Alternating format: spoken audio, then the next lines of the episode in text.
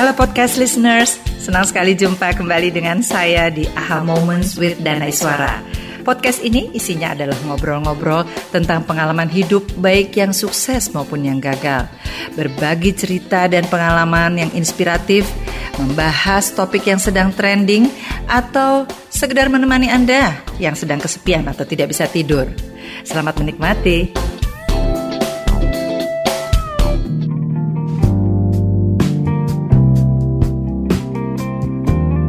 Listeners, tentu kalian tidak asing lagi dengan istilah bucin atau budak cinta kan? Istilah yang belakangan ini marak digaungkan di media sosial. Tapi sebetulnya bucin itu apa sih? Nah, singkatnya bucin dimaknai sebagai sikap irasional dari seseorang yang menempatkan kebahagiaan pasangannya di atas kebahagiaannya sendiri. Dan ini berkait dengan rasa takut kehilangan atau yang dalam istilah psikologi disebut sebagai loss aversion. Umumnya, pengidap loss aversion sampai perlu berkonsultasi dengan psikiater. Juga ada istilah FOMO di media sosial atau fear of missing out, yaitu keinginan seseorang untuk selalu terkoneksi dengan gadgetnya agar dia tidak ketinggalan berita atau ketinggalan peristiwa yang sangat dia tunggu-tunggu. Obrolan saya dengan psikiater Dr. Andreas Kurniawan SPKJ berikut ini semoga membantu kita untuk melihat seperti apa kita membina hubungan dengan pasangan. Seberapa pentingnya kebahagiaan kita sendiri dibandingkan dengan keinginan kita untuk membahagiakan pasangan.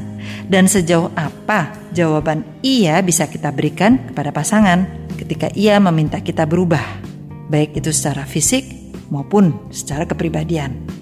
Selamat mengikuti obrolan berikut ini.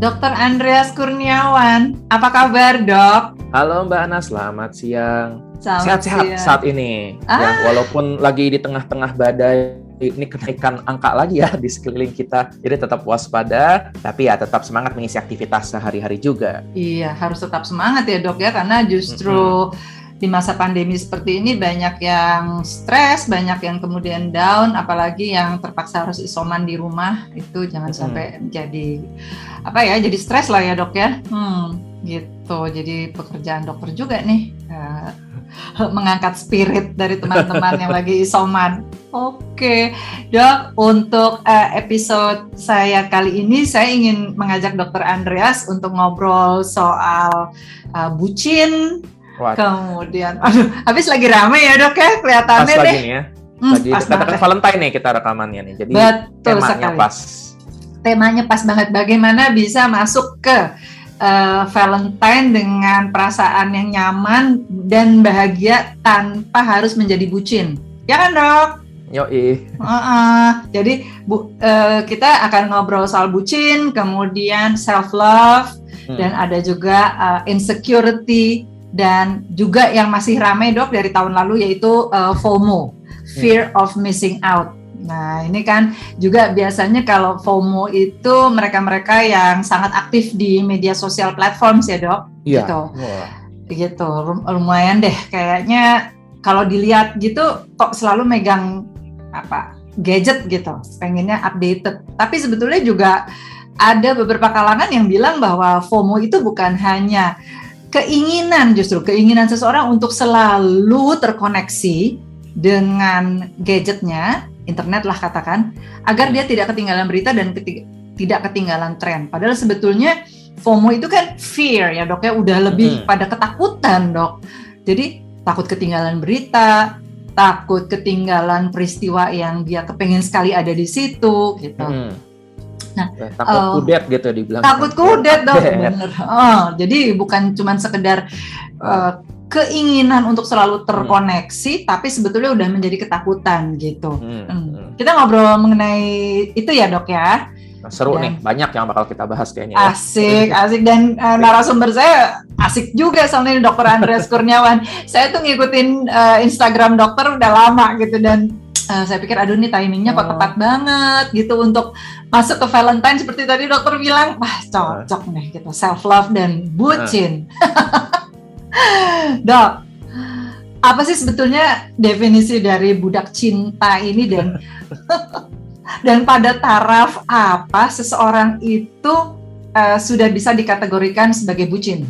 Hmm, oke. Okay ini ada beberapa juga ya, misalnya orang tua yang ngebawa anaknya remaja gitu ke saya, ataupun ada juga yang orangnya beneran gitu datang, jadi datang membawa diri sendiri dengan mengatakan gitu, kok ini saya rasanya bucin ya gitu. Jadi hmm. orang juga menanyakan, apakah bucin itu sampai perlu ke psikiater atau ke psikolog gitu kan? Nah, padahal ya kalau kita lihat di list daftar penyakit gitu atau gangguan mental yang ada, bucin itu nggak ada gitu. Jelas kalau misalnya kita buka tuh textbook psikiatri, nggak ada bucin tuh itu nggak ada di textbook ya? ada. gitu. Bukan cuma istilahnya nggak ada ya, uh. tapi uh, tapi kondisi bucin itu sebetulnya nggak ada ya. Uh, jadi okay. yang ada memang kembali adalah rasa takut sebenarnya. Hmm. Nah, rasa takut apa? Sebenarnya kalau kita lihat ya, kalau dari cerita orang-orang ataupun mungkin mendengarkan teman-teman kita, takut ditinggalkan gitu. Nah, hmm. kebetulan temanya adalah tentang orang yang dicintai oleh dia kayak gitu. Ya, yes. Ya, dan ini sebenarnya dari kecil pun sebenarnya bisa ada juga ada mungkin anak-anak yang kelihatannya itu kita bilang separation anxiety. Ketika dia bersama orang tuanya dia anteng. Orang tuanya pergi itu langsung dia rasanya tuh gelisah banget takut. Ini yang membuat dia jadi susah buat nanti dia perlu untuk masuk sekolah secara mandiri, dia perlu untuk ketemu teman-temannya gitu. Nah, kebetulan ini versi yang lebih dewasanya, lebih remaja lah gitu ya, adalah tadi bucin Ketika bersama dengan pasangannya dia oke, okay. tapi ketika nih pasangannya akan pergi, oh dia begitu takut. Apa pun akan dilakukan supaya dia merasa aman tidak ditinggalkan. Itulah kenapa dibilangnya seolah-olah seperti budak cinta. Disuruh apa pun mau, disuruh nyetir, beliin apa, disuruh wah, datang kapan pun pokoknya mau. Karena sebenarnya takut, takut ditinggalkan. Kayak gitu. Dan emang takut itu ya berhubungan dengan ancaman kita sebagai manusia tuh kalau misalnya kita bilang aku lagi takut, aku lagi cemas, kita bisa coba untuk menanyakan sebenarnya kita takut atau cemas itu terhadap sesuatu yang dianggap mengancam. Nah, di sini yeah. problemnya adalah kok relationship ini jadi sesuatu yang dianggapnya mengancam. Yeah. Padahal kan relationship itu harusnya membuat kita nyaman, nyaman. merasa tenang gitu kan ya. Mm -hmm. Lah problemnya. Ya, ya. Dan kita kan jadi um, ketika seseorang menjadi bucin, dia menjadi seperti kehilangan jati diri dan kadang-kadang juga berlaku tidak logis ya, Dok. Betul, betul sekali. Ya karena tadi dia akan melakukan apa pun untuk tidak kehilangan. Ini sebenarnya ada fenomenanya. Dari da, uh, ini sebenarnya istilah dalam psikologi ya yang dibilang itu adalah loss aversion, yaitu seseorang dia menghindari untuk kehilangan sesuatu. Loss aversion. Nah, ah. uh, uh, jadi uh, seseorang itu kalau tidak gini, kita mendapatkan uang satu juta itu tentu senang. Kehilangan satu juta tentu kita rasa sakit. Tapi kehilangan satu juta itu lebih besar dibandingkan kita mendapatkan satu juta kalau dibanding-bandingkan. Itulah kenapa kita akan menganggap menilai kehilangan itu lebih besar, lebih menyakitkan. Nah sama juga ketika kita misalnya ada seorang yang udah lama nih mengejar orang ini gitu, kita bisa jadian lah mereka gitu ya, atau bisa menikahi. Rasa senangnya tentu ada. Tetapi ketika dia sudah mendapatkan itu, ada beberapa orang yang rasa takut kehilangan itu begitu besar. Itulah tadi akhirnya mereka bisa berperilaku nggak logis. Banyak sekali yang mendengarkan itu ceritanya ini sampai dia bisa tengah malam datang diminta datang menemani gitu yang benar-benar rasanya tuh menurut dia ini udah nggak logis lagi. Mm-hmm. Ya, tapi tapi rasa takut dia lebih besar dibandingkan mungkin kebahagiaannya. Logik, ah, gitu. Mm-hmm. Atau logik dia untuk ya aku juga punya kebutuhanku sendiri gitu. Mm-hmm. Yeah. rasa takut tuh begitu besar sekali itu tadi fear ya dok ya. Hmm. Berarti uh, tadi ya rasa takut padahal dia sebetulnya ada di dalam hubungan apakah itu hubungan pacaran atau pernikahan yang baik-baik aja gitu ya dok ya. Tapi ketika uh, rasa takut terhadap ancaman yang dia rasakan terus-menerus itu terjadi, ini namanya um, ada istilah relationship insecurity ya dok. Jadi hmm. ada pikiran dan ketakutan yang sebetulnya itu irasional yang membuat diri kita itu rasanya kok ah, nggak uh, bisa nggak bisa berdiri sendiri tanpa pasangan, nggak bisa Betul. menyenangkan pasangan, nggak hmm. bisa menjadi apa yang diharapkan oleh pasangan. Itu mungkin uh, relationship insecurity ya dok ya? Iya, uh, jadi dari katanya kan insecure, ya katanya mm -hmm. secure aman, mm -hmm. insecure tidak aman. Jadi ini kondisi di mana dia tidak merasa aman di dalam mm -hmm. relationship itu. Ada berbeda-beda itu. Ada yang tadi bahwa aku harus menjadi seperti yang diinginkan pasanganku, mm -hmm. aku harus jadi lebih baik lagi. Nah, yang utama adalah gini. Jadi uh, yang bahayanya adalah dia menempatkan kebahagiaannya di tangan orang lain. Iya. Jadi soalnya tuh aku hanya akan bahagia kalau pasanganku mengapprove itu, kalau pasanganku mengatakan bahwa dia mencintai aku. Jadi ketika nggak mendapatkan itu dia sangat-sangat jadi cemas banget gitu. Nah, kenapa ya bisa terjadi seperti ini gitu? Kenapa ada yang mengalami, ada yang enggak? Kalau kita beranggapan semua yang terjadi pada diri kita saat ini itu pasti berhubungan dengan apa yang terjadi dari tahun-tahun lalu, dari kita di masa kecil, masa remaja. Jadi misalnya nih, mungkin dia pernah mengalami ditinggalkan oleh sosok yang bermakna entah itu orang tua ataupun mungkin pacarnya di masa lalu. Ini bisa membuat dia menjadi kayak trauma takut bahwa oh ya, ya, aku sudah pernah ditinggalkan berarti mm -hmm. aku mungkin ditinggalkan lagi di masa depan. Mm -hmm. nah itu yang membuat dia menjadi tadi loss aversion itu. Dia melakukan apa pun supaya tidak ditinggalkan. Nah sayangnya tadi dalam proses tersebut dia jadi menempatkan kebahagiaannya di tangan orang lain. Seolah-olah aku hanya bisa bahagia kalau aku bersama dengan dia. Mm. Nah, itu jadi dalam kondisi tersebut wajar kalau dia akhirnya kayak mengorbankan dirinya sendiri. Dia kehilangan jati dirinya karena menurut dia ya bahagia aku ada di tangan orang lain tanpa sadar. Ngerti, uh, uh. Padahal ya ada seorang uh, psikolog tuh bilang ya psikolog di Amerika dan kebetulan dia juga TV personality. Hmm. Um, dibilang bahwa hubungan yang paling penting dia namanya Dr. Uh, Philip McGraw uh, biasanya suka tandem sama Oprah Winfrey. Dia bilang hmm. sebetulnya hubungan yang terpenting di dalam hidupmu itu adalah hubungan dengan dirimu sendiri bagaimana kamu menerima dirimu apa adanya, menerima kekurangan, menerima kegagalan di masa lalu, dan uh, berdamai dengan apa pun hmm. yang menyakitkan di masa lalu. Tapi kan bucin itu kelihatannya tadi menjadi opposite, lawan dari semua yang tadi dikatakan oleh uh, Dr. Phil tadi ya dok ya. Hmm, hmm. Nah terus begitu dok, uh, ada juga satu penelitian kalau saya nggak salah itu dari cewek banget.id dua dari 2.846 responden dok hmm? itu ada 1.787 artinya lebih dari 50 persen hmm. responden mengaku pasangannya sering minta mereka untuk berubah. Hmm, hmm, hmm. Okay. Nah dan mereka 50 persen lebih ini mengatakan mm, iya, nah, dok ya. Berarti kan ini juga gejala insecurity ya dok? Oke, okay, uh. ya. Uh, ini banyak banyak loh yang begitu dan banyak hmm. juga yang muncul ide justru dari mereka sendiri. Aku hmm. harus berubah buat pasanganku, kayak gitu, ya. Ya, untuk membuat jadi, dia bahagia gitu ya. Mm -mm.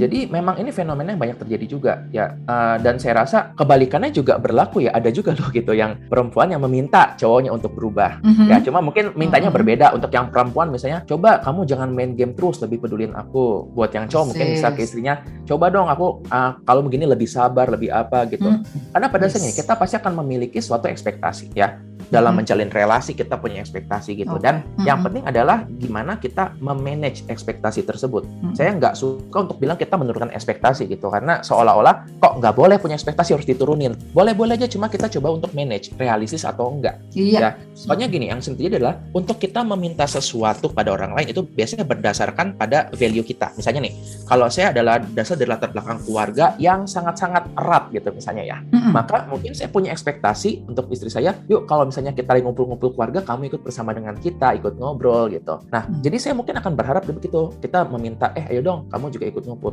Hmm. Belum tentu pasangan kita berasal dari latar belakang keluarga yang value-nya sama. Sedangkan tadi kan kita bilang bahwa diri kita serang ini pasti itu berhubungan dengan kita di tahun-tahun sebelumnya. Bisa jadi value dia adalah bahwa oh ya udah kita keluarga sendiri-sendiri, yang penting saling menghargai, ada boundaries masing-masing menghargai itu yang nggak perlu untuk begitu ajak banget ya gitu. Mm -hmm. nah, inilah yang membuat tadi ketika meminta itu rasanya jadi jadi konflik. Yang satu merasa kok kamu nggak mau berubah sih? Yang satu merasa kok kamu maksa aku untuk berubah sih? Katanya mau terima aku apa adanya kayak gitu. Hmm. Nah untuk Jadi, menjembatani ini makanya kita punya teknik tuh namanya komunikasi asertif. Gimana okay. kita meminta nah, sesuatu hmm. itu hmm. nggak hmm. secara agresif tapi juga kita uh, bisa menyampaikan dengan enak lah kayak gitu gitu ya. Jadi tekniknya itu juga ada ya dok ya. Tadi ada. apa namanya? Communication. Assertive. Assertive. Oke. Okay. Assertive communication. Assertive communication. Oke, okay. itu penting banget dalam suatu relasi uh, apakah pacaran dan suami istri. Karena kadang-kadang memang permintaannya juga bukan sesuatu yang berlebihan ya dok. Misalnya seperti tadi, kurangin dong main gadget, kurangin dong hmm. megang uh, handphone, kurangin dong um, apa ya dok uh, nonton film misalnya gitu ya uh. kan lebih baik kita ngobrol malam-malam daripada kamu menatap uh. layar televisi dan hal-hal yang sebetulnya masuk masuk akal aja gitu loh tapi ketika sesuatu yang lebih berat ya yang juga terjadi uh, dan sudah mulai menyentuh belief dok hmm. uh, apa contoh lah misalnya katakan dia orang suami bilang kamu jadi vegetarian dong seperti saya gitu yeah. itu uh, mungkin agak berat atau nggak gampang ya dok ya, nggak gampang untuk bisa me, apa namanya meyakinkan dan meminta gitu. Nah itu tekniknya mungkin harus tepat supaya juga nggak terjadi salah pengertian atau konflik tadi seperti kata dokter. Hmm. Nah dok, uh, sekarang mengenai uh, balik ke insecurity tadi ya dok ya kan um, seperti disinggung di depan ada self love, ada self acceptance ya dok. Nah um, kalau misalnya kita sendiri itu belum yakin bahwa diri kita itu baik, makanya self acceptance-nya belum begitu besar dok. Terus ketemu sama pasangan yang terus menerus gitu minta sesuatu hmm. dari kita, baiknya gimana dok?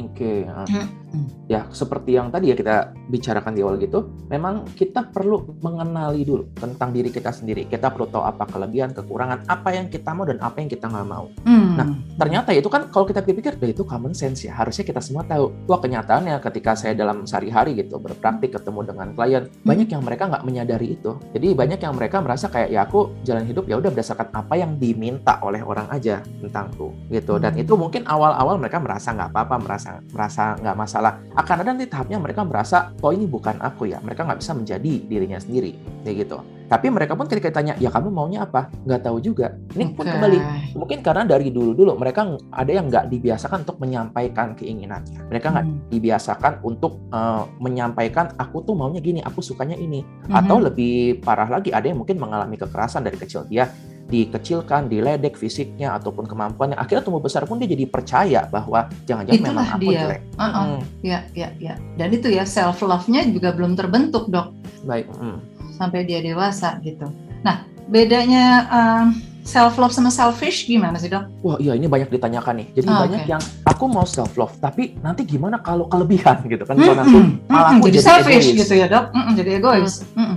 Jadi hmm. sebenarnya perbedaannya sih cukup simpel. Selfish adalah ketika kita menempatkan kepentingan kita di atas orang lain. Pokoknya okay. kita lebih penting, kita lebih hebat, kita lebih berguna. Pokoknya lebih diutamakan dari orang lain. Itu adalah selfish. Nah, self love adalah kita menganggap bahwa diri kita sama pentingnya dengan orang lain, sama berharganya dengan orang lain. Hmm. Jadi orang-orang yang selfish itu cenderung menganggap dirinya di atas. Nah, yang orang-orang yang kita ajak self love justru cenderung menganggap dirinya di bawah dan kita ngajak dia percaya, ayolah kamu itu sama berharga dengan orang lain. Enggak lebih berharga, enggak lebih payah, ya sama berharganya, value-nya sama. Gitu. Nah, jadi selama kita untuk melihat ya kita mencoba untuk ngecek nih, ini aku self love atau selfish ya. Coba kita lihat gitu. Gimana relasi kita dengan sekeliling, kita mungkin bisa nanya orang-orang, "Eh, aku tadi berlebihan atau enggak sih kalau begini?" Itu wajar nggak sih aku minta demikian? Nah, kadang-kadang kita mungkin susah untuk mengenali, tapi kita bisa menanyakan orang-orang yang kita percaya, entah itu keluarga ataupun pasangan ataupun teman terdekat circle kita untuk tahu ini kita apakah tadi kita menempatkan diri kita dari seorang lain atau kita memang lagi berusaha untuk sama kok kita menghargai diri kita gitu. Karena kenyataan kenyataannya ada orang-orang yang mereka tuh gampang menghargai orang lain ya Pokoknya gampang menghargai atau, orang lain. Iya, jadi misalnya hmm. ketika temannya lagi kerja terus ternyata eh, nggak uh, sanggup nggak apa-apa, udah besok aja kamu lagi capek gitu. Tapi hmm. begitu ke diri sendiri, wah keras dia. Eh gitu, kalau nggak bisa aku payah, aku tuh nggak boleh menyerah. Ah. Jadi kok kok bisa kita memperlakukan orang lain baik, tapi ke diri kita sendiri yang kita tinggal bareng-bareng selama bertahun-tahun gitu ya, hmm. hmm, hmm. yang kita aja ngomong tiap hari, kok bisa negatif kayak gitu? Nah itulah self love adalah untuk mengajak perlakukanlah dirimu sendiri. Gimana seperti kamu memperlakukan orang-orang lain yang kamu perhatikan gitu ya kamu sayang hmm. dan kita hmm. akan tahu bahwa kita sama berharganya kok dengan mereka. Oke, okay. berarti tadi kaitannya ke itu tadi ya bahwa uh, hubungan terhadap diri sendiri itu penting hmm. sekali ya harus disadari banget karena begitu hubungan sama diri kita jelek uh, pasti itu akan apa terpengaruh ke relasi dengan orang lain ya apa itu kah di tempat kerja dengan pasangan dengan anak dan keluarga betul, betul sekali. sekali. Mm -mm. Oke okay, dok. Uh, sekarang kalau misalnya uh, orang itu merasa bahwa dia jadi bucin dok ya dan ingin keluar dari hubungan yang toksik hmm. tapi tidak bisa dan dia tidak punya keberanian untuk hmm. bilang uh, enough is enough lah dok ya hmm. itu apa yang pertama kali harus dia ambil atau lakukan oke okay, uh. hmm. ini proses yang panjang ya tentu kan kalau segampang itu mereka sudah lama lah keluar dari iya betul sekali hmm saya berprinsip gini, jadi ada teorinya bahwa ketika kita belum bisa move on atau pindah dari sesuatu, artinya mm -hmm. masih ada yang penting di hal tersebut. Mm. Ya. Artinya, walaupun ini suatu relationship yang dibilang ini toxic gitu, dia menderita nangis setiap hari, tapi dia Hmm. nggak bisa pergi, Hmm. mungkin ada sesuatu yang masih penting di situ. Misalnya, dia mendapatkan perhatian, atau mungkin dia mendapatkan bahwa uh, keamanan bahwa oh ada yang mau sama aku, artinya itu berharga. Nah, Beberapa orang mungkin mendapatkan Hmm. seks gitu, atau mendapatkan ya berapa mungkin uang atau apa. Jadi Hmm. selama masih ada yang penting, itu akan susah. Itu buat mereka jadi nggak aman. Kalau aku pergi dari sini, nanti gimana ya ke depannya gitu. Nah, betul. Itu yang membuat jadi kompleksnya. Langkah awal adalah kita sebaiknya mengakui, menyadari bahwa kita berada dalam hubungan yang emotionally abusive gitu. Kita Iya, dalam hubungan betul. toxic. Emotionally abusive. Iya, Nah, betul. Banyak Uh-uh. banyak orang-orang yang karena denial, yang nganggap enggak kok dia biasanya nggak kayak gitu. Ini karena lagi capek aja dia. Atau Persis. itu karena akunya kok gitu. Ya, jadi kita mencoba untuk menyadari itu dulu. Lalu setelah Persis. itu kita coba untuk uh, kumpulkan lagi Mhm. apa yang menjadi sebenarnya ya tadi kemampuan kita, apa kekuatan kita kayak gitu. Karena susah juga kita misalnya ada orang nih yang yang sering ya, seorang ibu yang bisa berada dalam KDRT, lingkungan KDRT, terus orang-orang bilang, "Ya kamu pergi aja." Lah kita nggak mikirin, pergi dari situ dia bisa nggak menjamin dirinya sendiri? Ada nggak rumah aman buat dia? Bisa nggak dia bekerja menghidupi diri sendiri? Jadi itu yang membuat dia sebaiknya memastikan dia ada aman itu dulu. Nah, jadi Mhm. itu pentingnya bagi kita untuk mungkin komunikasi juga ngobrol dengan orang-orang kalau saya bilang tuh ngobrol dengan orang yang kita percaya itu adalah cara tercepat untuk mengkalibrasi diri kita sendiri Mhm. Mhm. Kok tahu ini kita masuk akal nggak sih atau kita udah terlalu ah, harusnya udah pergi dari dulu atau enggak kok kamu masih nggak kenapa-kenapa gitu karena ya banyak orang Oke. yang nggak menyadari kalau nggak menyadari ya mereka nggak akan pindah yang kedua mereka menyadari tapi mereka merasa nggak sanggup mereka merasa kalau ini ah, manusia tuh butuh feel safe and in control Mhm. Nah, orang-orang mungkin mereka menyadari, tapi mereka nggak merasa aman dan nggak bisa pegang kendali. Kalau keluar rumah, ibaratnya mereka nggak bisa ngapa-ngapain. Gitu. Kita Mhm. ajak mereka menemukan kembali feel safe and in control tersebut, kayak gitu. Nah, ke- mungkin untuk awareness dulu ya, menyadarkan gitu. Biasanya saya mengajak untuk ngeliat gini sih. Dalam satu relationship itu sebenarnya dibutuhkan eh, tiga hal untuk relationship yang bagus. Yang pertama butuh intimacy, ya. Oke. Kedua dia butuh sharing. Ketiga mutual respect. Nah, Intimacy ini kan gampang ya. Pokoknya ketika kita berada dengan orang yang kita bersama, kita merasa bisa intimate, kita merasa bisa nyaman, merasa aman. Itu artinya oke terpenuhi itu, bagus. Yang kedua adalah sharing. Kita bisa membagi waktu dan mendapatkan waktu dia juga. Bisa membagi pendapat kita. Dia bisa mendengarkan pendapat dia juga. Nah, sharing ini yang dibutuhkan. Ketiga, yang penting adalah ini mutual respect, saling menghargai satu sama lain. Hmm. Itu artinya kita menghargai dia sebagai manusia dan dia pun menghargai kita sebagai manusia punya kebutuhan juga.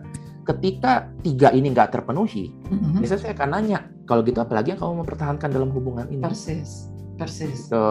Tapi Persis. selama masih ada, Mhm. itu masih bisa tuh kita perjuangkan, kita mungkin bisa mempertemukan kedua pihak, kita bisa untuk ngajak ya sama-sama nih masih butuh ada intimacy, sharing, dan mutual respect itu. Tapi kalau nggak ada, ya ya udahlah ya gitu ya, Ya, Ah, ah. harus move on pasti ya kan Ah, self love kan- lah gitu kan. gitu. iya cuma kan kadang-kadang ya dok ya jadi sedikit nyinggung masalah eh, KDRT dok Hmm. Hmm, kebanyakan juga perempuan perempuan yang mengalami KDRT itu em, dia selain sakit fisik juga sakit eh, mental ya dok ya Ya, ah. tapi kemudian si pelaku katakan itu suaminya atau pasangannya ketika dia sadar dia tuh kan minta maafnya kan eh, luar biasa dok gitu loh betul. berlebih-lebihan sekali ya dok ya Hmm, mungkin juga hmm. Berpengalaman di situ. Dan itu juga yang membuat si perempuan menjadi lumer lagi menjadi menerima kembali gitu. Dan hidup biasa-biasa lagi mutual respectnya balik lagi. Eh kemudian digebukin lagi gitu loh dok. Hmm. jadi kayaknya nggak selesai-selesai. Nah sebetulnya jadi tiga tadi terpenuhi dok tapi on and off gitu. Ya, ah. Betul sekali. Dan ada yang menarik ya kalau tadi itu Hmm. banyak terjadi gitu loh. Uh, Hmm. Misalnya ya sesuatu pihak memukul atau mengata-ngatain sampai akhirnya Hmm. orang ini mau pergi, terus akhirnya ya minta maaf, sampai menyembah-nyembah. Karena tadi yang kita bilang di awal, loss aversion, takut untuk kehilangan. Ketika itu terjadi baru tuh real bahwa oh aku bisa kehilangan orang ini. Akhirnya dia melakukan apa pun untuk supaya tidak kehilangan. Ya sayangnya ini nggak menyelesaikan core masalah utama mereka. Apakah masalah komunikasi, masalah perbedaan prinsip gitu. Dan yang banyak masalah finansial sebenarnya. Ya. Itu banyak banget yang menjadi sumber pertengkaran antara kedua pihak kayak gitu. Nah, jadi Mhm. itulah kenapa ada terapi. Kan kita bisa terapi pasangan, bisa terapi mungkin individu dulu tentang mengenali kapan dia marah. Karena gini biasanya kalau apa yang memicu kemarahan Ah. tiba-tiba dia marah, hampir Ah. nggak mungkin tiba-tiba marah. Kayak gitu. Ya. Pasti ada pemicunya yang berulang, tapi itu kadang-kadang nggak disadari. Jadi kadang-kadang aku nggak ngomong apa-apa padahal, tapi misalnya Jadi pas udah meledak gitu kan. Heeh. Hmm, mungkin hmm. pas ngomong itu nada dia tinggi atau mungkin dia kayak ada gestur-gestur kayak gimana sih gitu yang cuma gitu doang tapi itu yang membuat jadi nggak jadi marah nah kembali kan inilah kenapa dalam kita terapi itu mengajak orang untuk mengenali dulu dirinya sendiri kita nggak bisa mengendalikan apa yang nggak kita sadari Mm-mm. maka banyak dari sesi terapi adalah untuk mengajak mereka mengenali menyadari dirinya sendiri barulah itu bisa memperbaiki dirinya atau relasi dengan orang lain Itu self love lagi balik. Hmm. Jangan dong. Kalau udah bisa menghargai dirinya sendiri, ngapain sih tiap kali dapat verbal abuse, dapat physical abuse? Kan nggak nyaman hubungan kayak gini gitu kan. Sebaiknya kan udah aja gitu ya, saya bisa keluar dari sini. Nah, Betul itu tadi sekali. seperti kata Nah. dokter, mesti cari siapa yang bisa diajak Aku mau ngobrol. bahas sesuatu. Ada fenomena yang lagi rame, namanya gas gaslighting, kayak gitu. Gaslighting. Oke, Ah. apa tuh, Dok? Hmm, Jadi menarik gaslighting banget. tuh gini, misalnya ya, ada dua orang nih, misalnya ya kita katakanlah perempuan dengan laki-laki, misalnya istri dengan suami. Mm-mm. Jadi ini yang terjadi misalnya eh, mereka berantem dan istrinya memang yang mengalami menjadi korban, entah Mm-mm. itu dipukul, dimarahin, dibentak-bentak kayak gitu. Terus ketika mereka berantem, suaminya akan seperti kayak memindahkan kesalahan itu ke istrinya. Ya aku begini karena tadi deh kamu ngomong dengan nada tinggi. Ini karena tadi kamu nggak begini. Ini karena dulu tuh kamu begini. Sampai akhirnya si korbannya Mm-mm. menjadi berpikir kayaknya emang aku yang salah deh Mm-mm. gitu. Mm. Nah, jadi itu yang membuat tadi jadi sulah kalau misalnya kita berpikir, ya udah kalau kamu menjadi korban abuse gitu, ya pergi aja. Tapi gimana kalau dia merasa, ya ini aku jadi korban karena salahku. Oh, banyak Gitu. dong. banyak Hmm. ketemu yang begitu kan. di lingkungan kita gitu. Selalu iya emang aku tuh digituin karena memang aku salah sih gitu. Hmm. Dia tuh jadi marah tuh karena aku tadi salah. Itu s- banyak banyak ditemuin memang betul. Mm-mm. Itu namanya gaslighting ya dok. Iya, Dan harus ya- lewat terapi. sebaiknya begitu. Kita perlu mengajak dia untuk menyadari dulu bahwa kenapa bisa berpikir seperti gitu. Apa aja yang mungkin dikatakan oleh pasangannya gitu. Dan ya nggak selalu jawabannya itu adalah ya udah pisah gitu. Bisa jadi kita mengajak juga pasangan untuk menyadari bahwa sadar nggak sih ini kata-kata kamu itu tadi mencoba untuk melimpahkan kesalahan ke orang lain supaya kamu bebas dari kesalahan. Tapi ini nggak membuat hubungan kalian jadi ke mana-mana gitu. Mm-mm.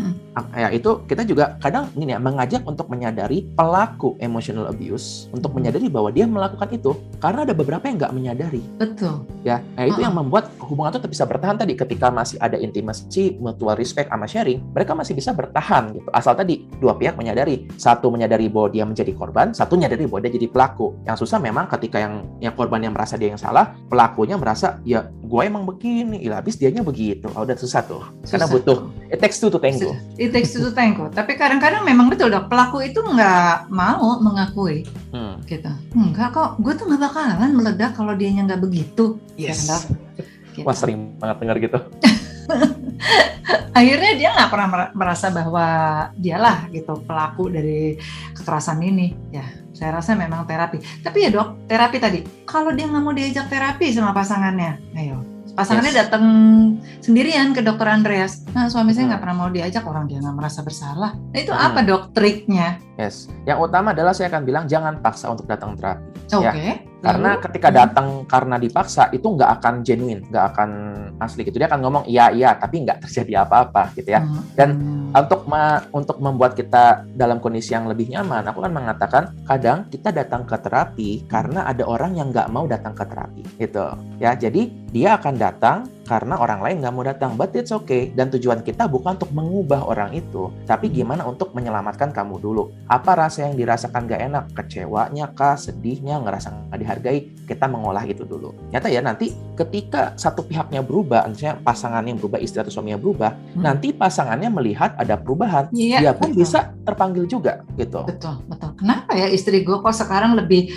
lebih bukan berani ya dok? Artinya mungkin dia speak up atau Hmm. dia ya kan dok tegar gitu loh ketika Hmm. si suami meledak gitu kan? Itu itu perubahan yang pasti di sangat dirasakan gitu oleh si pasangan. Mm-mm, mm-mm. Jadi lewat si mm, lewat satu orang dulu ya dok ya terutama si yang menderita KDRT ya. tadi dokter masuknya gitu nanti dari situ apa mudah-mudahan itu menjadi jembatan untuk ke pasangannya melihat Betul, perubahan benar. tersebut. Oh, Kalaupun okay. kita nggak bisa mengubah pasangannya, ya mm -hmm. kita bisa mengendalikan diri kita sendiri. Kita bisa mengendalikan gimana kita merespon ketika gitu. Gimana mm -hmm. ketika biasanya terjadi ketika pasangan saya ngomong gini jadi berantem. Ya udah gimana kita menyadari ketika dia ngomong gitu, oke okay, kita tenangkan diri, dialihkan ke yang lain supaya nggak jadi tuh, nggak jadi meledaknya. Nah itu banyak tuh bisa menyalakan hubungan dengan kayak gitu. Hmm. Apa benar kalau mbak kalau uh, suaminya eh, katakanlah pasangannya ada komplain, saya tuh begini kalau dia begitu ya introspeksi juga ya dok ya barangkali hmm. juga itu penting gitu ada sesuatu yang memang tidak disukai atau salah lah selama ini gitu itu introspeksi juga penting menurut saya oke sekarang kita ngomong yang seru-seru lagi nih dok tadi kan udah agak serius banget nih larinya ke self love terus ke insecurity eh KDR deh dok ya eh hmm. nggak bisa di memang nggak bisa dihindarkan lah dan saya rasa juga mudah-mudahan podcast listeners um, ada yang bisa mengambil manfaat dari yang tadi kita obrolkan. Nah, kalau sekarang nih di zaman medsos, Dr. Andreas, hmm. di mana uh, banyak millennials dan saya rasa juga uh, kita-kita yang sudah dewasa ini uh, ikutan dalam beberapa platform, dok. Dan itulah yang kemudian timbul yang namanya FOMO tadi, fear of missing out. Jadi hmm. keinginan untuk terus-terus megang handphone atau apa pun supaya dia terupdate gitu ya dok ya. Betul. Hmm. Uh, banyak yang kemudian sebetulnya dalam tanda kutip dirugikan karena itu gitu. Hmm. Relasi dengan pasangan hmm. dengan anak-anak menjadi berkurang lah katakan misalnya gitu atau hobi yang terbengkalai dok. Nah um, dokter punya nggak? Saya tahu bahwa nggak ada resep tunggal ya dok ya hmm. untuk mengatasi ini. Tapi bagaimana supaya FOMO ini bisa di tackle dan menjadi hmm um, JOMO dok, joy of missing out. ya itu ya baik-baik aja gitu menikmati uh, melewatkan berbagai hal yang sebetulnya dia kepengen sekali ada di situ. Tapi ketika hmm. itu lewat dan dia miss out, oh nggak apa-apa ya, oke gue enjoy aja ternyata gitu dok itu. Okay.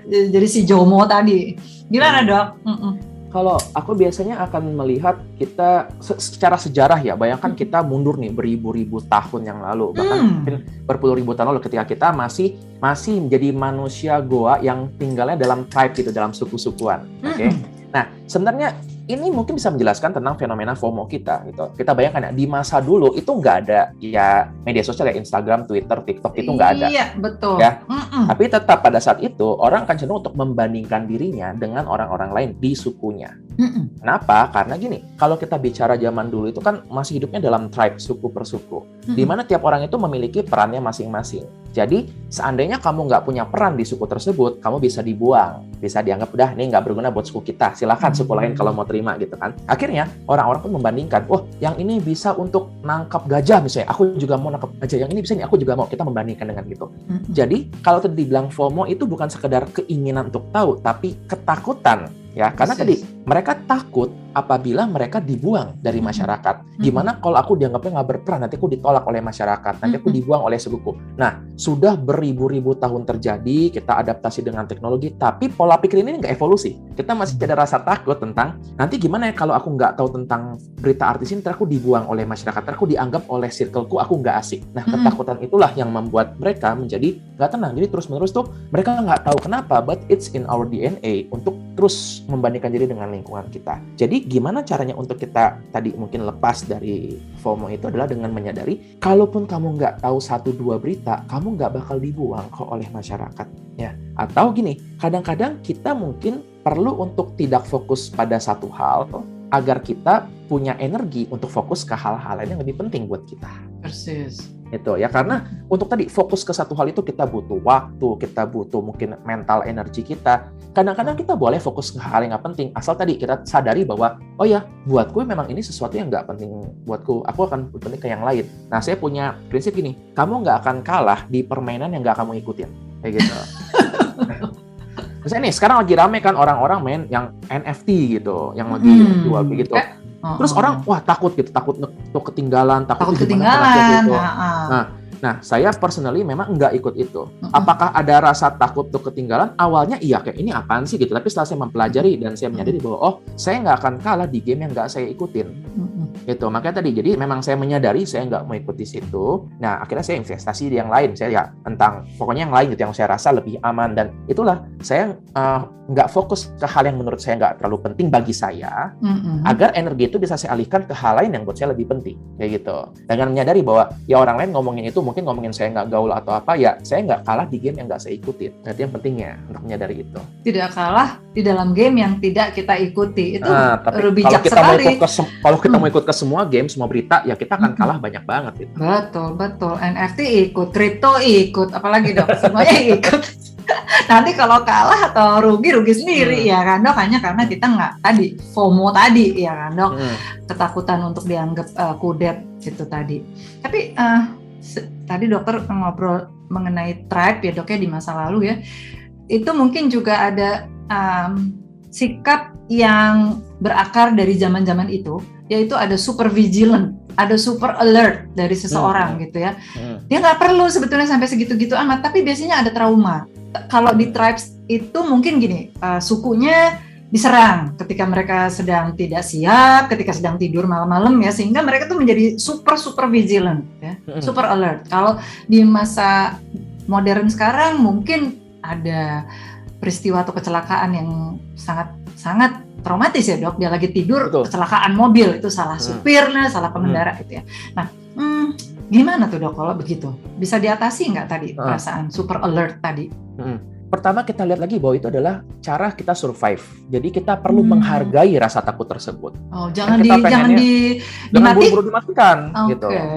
Ya, karena semakin kita mencoba mematikan itu akan nggak akan bisa karena justru kan itu insting survival kita. Nah, makanya saya mengajak untuk kita menghargai rasa takut tersebut. Kita menghargai artinya oh rasa takut ini karena saya mau survive, karena saya mau bertahan hidup. Baru ketika kita bisa menghargai itu kita refleksikan lagi gitu. Kita lihat apakah rasa takut saya lebih besar dalam pikiran dibandingkan kenyataan kenyataan gitu kan mm-hmm. misalnya nih yang kita ngomongin tentang trauma masa lo misalnya pernah diselingkuhin wah banyak tuh cerita kayak gitu akhirnya Banget. takut untuk menjalin relasi baru pasangannya yes. lihat HP dikit langsung itu ngeliat siapa tuh, tuh ada apa lagi nih gitu kan ah. itu sebenarnya kan keinginan untuk survive jadi kita bilang ya nggak apa-apa hargai rasa takut tersebut tapi kita juga refleksikan jangan-jangan rasa takut kamu lebih besar dalam pikiran dibandingkan mm-hmm. dalam kenyataannya kayak gitu hmm, overthinking dong dok wah iya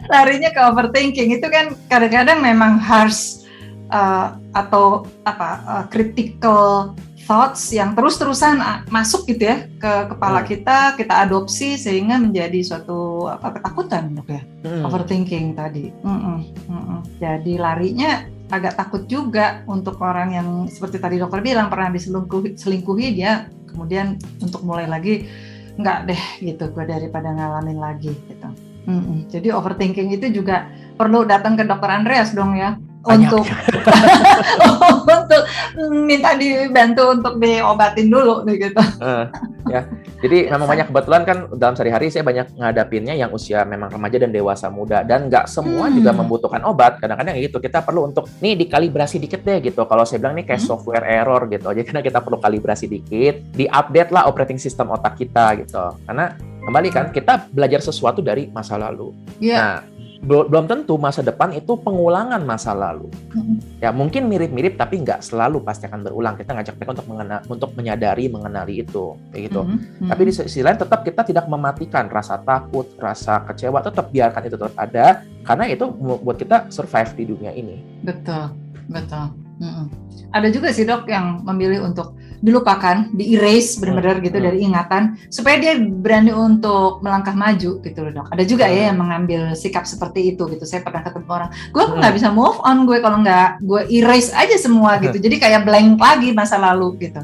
Hmm. Gak apa-apa tuh dok kalau seperti itu sayangnya susah ya sampai sekarang gitu. Hmm. Gimana kita bisa melupakan sesuatu yang begitu penting buat kita? Lagi traumatis gitu. ya dok. Ya, hmm. ah, saya nih, ini kita ada pulpen nih depan saya. Hmm. Hmm. Saya sekarang minta untuk, oke, okay, saya mau melupakan bahwa ini namanya pulpen. Saya mau lupain, saya mau lupain. Nggak bisa gitu. Hmm. Ya, yang bisa adalah mungkin kita akan menutupi memori tersebut dengan memori-memori lainnya gitu. Kadang-kadang itu nggak apa-apa. Ya, nggak nggak semua konflik atau trauma masa lalu tuh harus kita selesaikan karena itu kan butuh banyak waktu, butuh banyak energi gitu. Jadi beberapa mungkin lebih aman ya udah kita tutup saja dengan memori-memori lainnya kayak gitu. Hmm. Tapi ketika itu terus terusan muncul, muncul lagi, muncul lagi berulang, ya mungkin ada baiknya kita berhadapan dengan rasa sakit tersebut karena ya jalan keluar dari rasa sakit kadang-kadang adalah melalui rasa sakit itu sendiri. Nggak bisa selamanya kita kabur. Hmm. Oke, dihadapi ya dok ya? Hmm, nggak semua tapi ya. Nggak semua lah ya. Uh -uh. Nanti ada yang menghadapi terus merasa uh, ah nggak apa-apa nih enak juga nih ternyata ya. ya ini sakitnya betul. nanti jadi masokis deh dok. Menikmati nanti sakitnya gitu kan. Nggak masuk lagi ke problem berikutnya. Selama ada dokter Andreas nggak apa-apa deh. Bisa untuk tempat konsultasi. Oke. Yang terakhir nih dok, kalau hmm. oh, insecurity di, di pekerjaan, hmm. di dalam hubungan. Yang paling yang paling mudah dulu deh dok, gimana sih ngatasinnya? Oke, okay. insecurity terjadi karena kita membandingkan diri kita dengan orang lain. Hmm. Oke, okay? problemnya adalah kita membandingkan. Biasanya milih-milih, kita bandingin dengan orang oh. yang lebih daripada kita lebih hebat, lebih kaya, mobil lebih bagus, omsetnya lebih gede. Betul. Dan problemnya kita menganggap yang kita bandingkan itu adalah yang normal. Hmm. Oke. Okay? Oke, okay, ya. oke. Okay. Kalau saya bilang nih soal nih, ini nah, ada orang tingginya 175 tinggi ya untuk orang hmm. Indonesia. Dia membandingkan dirinya dengan tinggi badan pemain basket di Amerika Serikat. Dia merasa cebol iya. dan bahayanya dia menganggap itu tinggi yang normal gitu. Nah, yang kita lakukan adalah coba untuk membandingkan secara adil. Bandingkanlah dengan secara umum dengan semua pihak. Jangan cuma dengan bagus-bagus aja, bandingkan dengan yang lain. Ternyata ada juga yang yang struggling, ada juga yang ingin jadi seperti kita. Dan yang penting adalah bandingkan dengan diri kamu yang sebelumnya. Kita manusia kan berprogres terus. Ya misalnya merasa bahwa ih kok aku dibandingkan yang dia aku cuma segini pencapaianku coba bandingkan dengan waktu awal masuk kita berprogres dan nah, itu membuat kita jadi tadi self love juga bisa terjadi oh kita sama berharganya dengan orang lain kayak gitu hmm, hmm, hmm. berarti tambahan dari self love tadi selalu apa dok selalu feeling grateful ya dok ya penting untuk kan? merasa uh, untuk memuji diri sendiri atas apa yang kita capai mm -mm. kayak gitu mm -mm. ya. Selalu grateful terhadap capaian pencapaian kita gitu loh. Tanpa mm. kita harus punya di depan kita nih punya patokan, punya benchmark bahwa gue harus begitu gitu loh. Tapi mm. lihat dulu capaian kita dari sejak kita masuk gitu ya, masuk ke mana pun ya ke workforce apa ke tingkat kuliah kalau masih mahasiswa, pokoknya atau ke karir ya dok ya. Betul. Dan bagi saya sebenarnya kita boleh membandingkan diri dengan orang-orang yang lebih besar sebagai hmm. hanya patokan bahwa it's possible untuk menjadi seperti gitu. Tapi hmm. bukan berarti kamu harus menjadi seperti gitu. Persis, ya. persis. Cuma sebatas pokoknya it's humanly possible. Misalnya kita dalam kuliah ada orang IP-nya 4, ya berarti possible dapat 4. Nah, itu ya, dia. gitu kan. Uh-uh. Gitu. Bahkan misalnya IP-nya jadi dapat 6 gitu. Tiba-tiba entah gimana. Ya artinya possible untuk jadi seperti gitu gitu iya. kan. Uh-uh. Hmm. Tapi jangan terus bunuh diri kalau nggak dapat 4 gitu ya. Betul sekali gitu.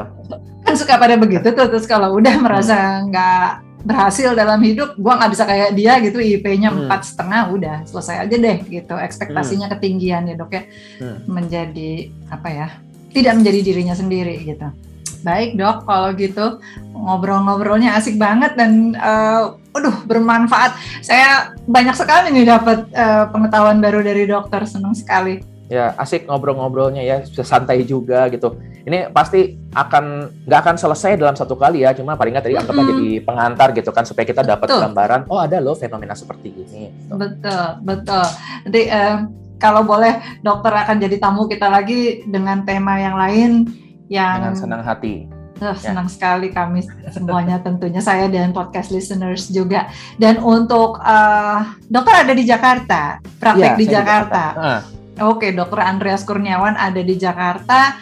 Dan kalau yang ingin ketemu dokter untuk langsung misalnya face to face Selama pandemi bisa dok berlangsung kah atau bagaimana? Saya ada berlangsung? hari di mana face to face, ada mm-hmm. hari di mana yang secara online gitu. Jadi memang dibatasi dan itu semua dijadwalkan admin supaya kita tetap itulah memenuhi apa yang disarankan pemerintah ya, nggak uh. terlalu padat banget kayak gitu. Oke, okay. berarti yang di luar Jakarta juga tetap bisa ya, me- bisa. apa namanya melakukan konsultasi sama dokter dong lewat hmm. tadi uh, Zoom meeting atau yang lainnya.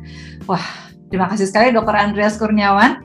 Terima kasih. Atas ngobrol-ngobrolnya sehat selalu ya dok. Ya Mbak Dana. Mm-hmm. Ya. Dan uh, terus mengedukasi kita lewat uh, Instagram juga yang mudah diakses oleh semua. supaya kita jadi tambah pinter dan bisa meningkatkan self love kemudian self esteem kita juga makin tinggi dok. Hmm. Amin. Terima kasih dokter. Sama-sama. Jaga kesehatan ya. Sehat-sehat. Jaga kesehatan. Semua. Salam sehat ya dok.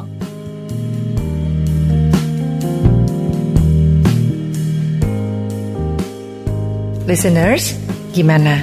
Sekarang Anda lebih paham kan istilah bucin, overthinking, hubungan yang toksik, rasa takut yang berlebihan, dan kekhawatiran tidak bisa menyenangkan pasangan yang sebetulnya tidak perlu ada.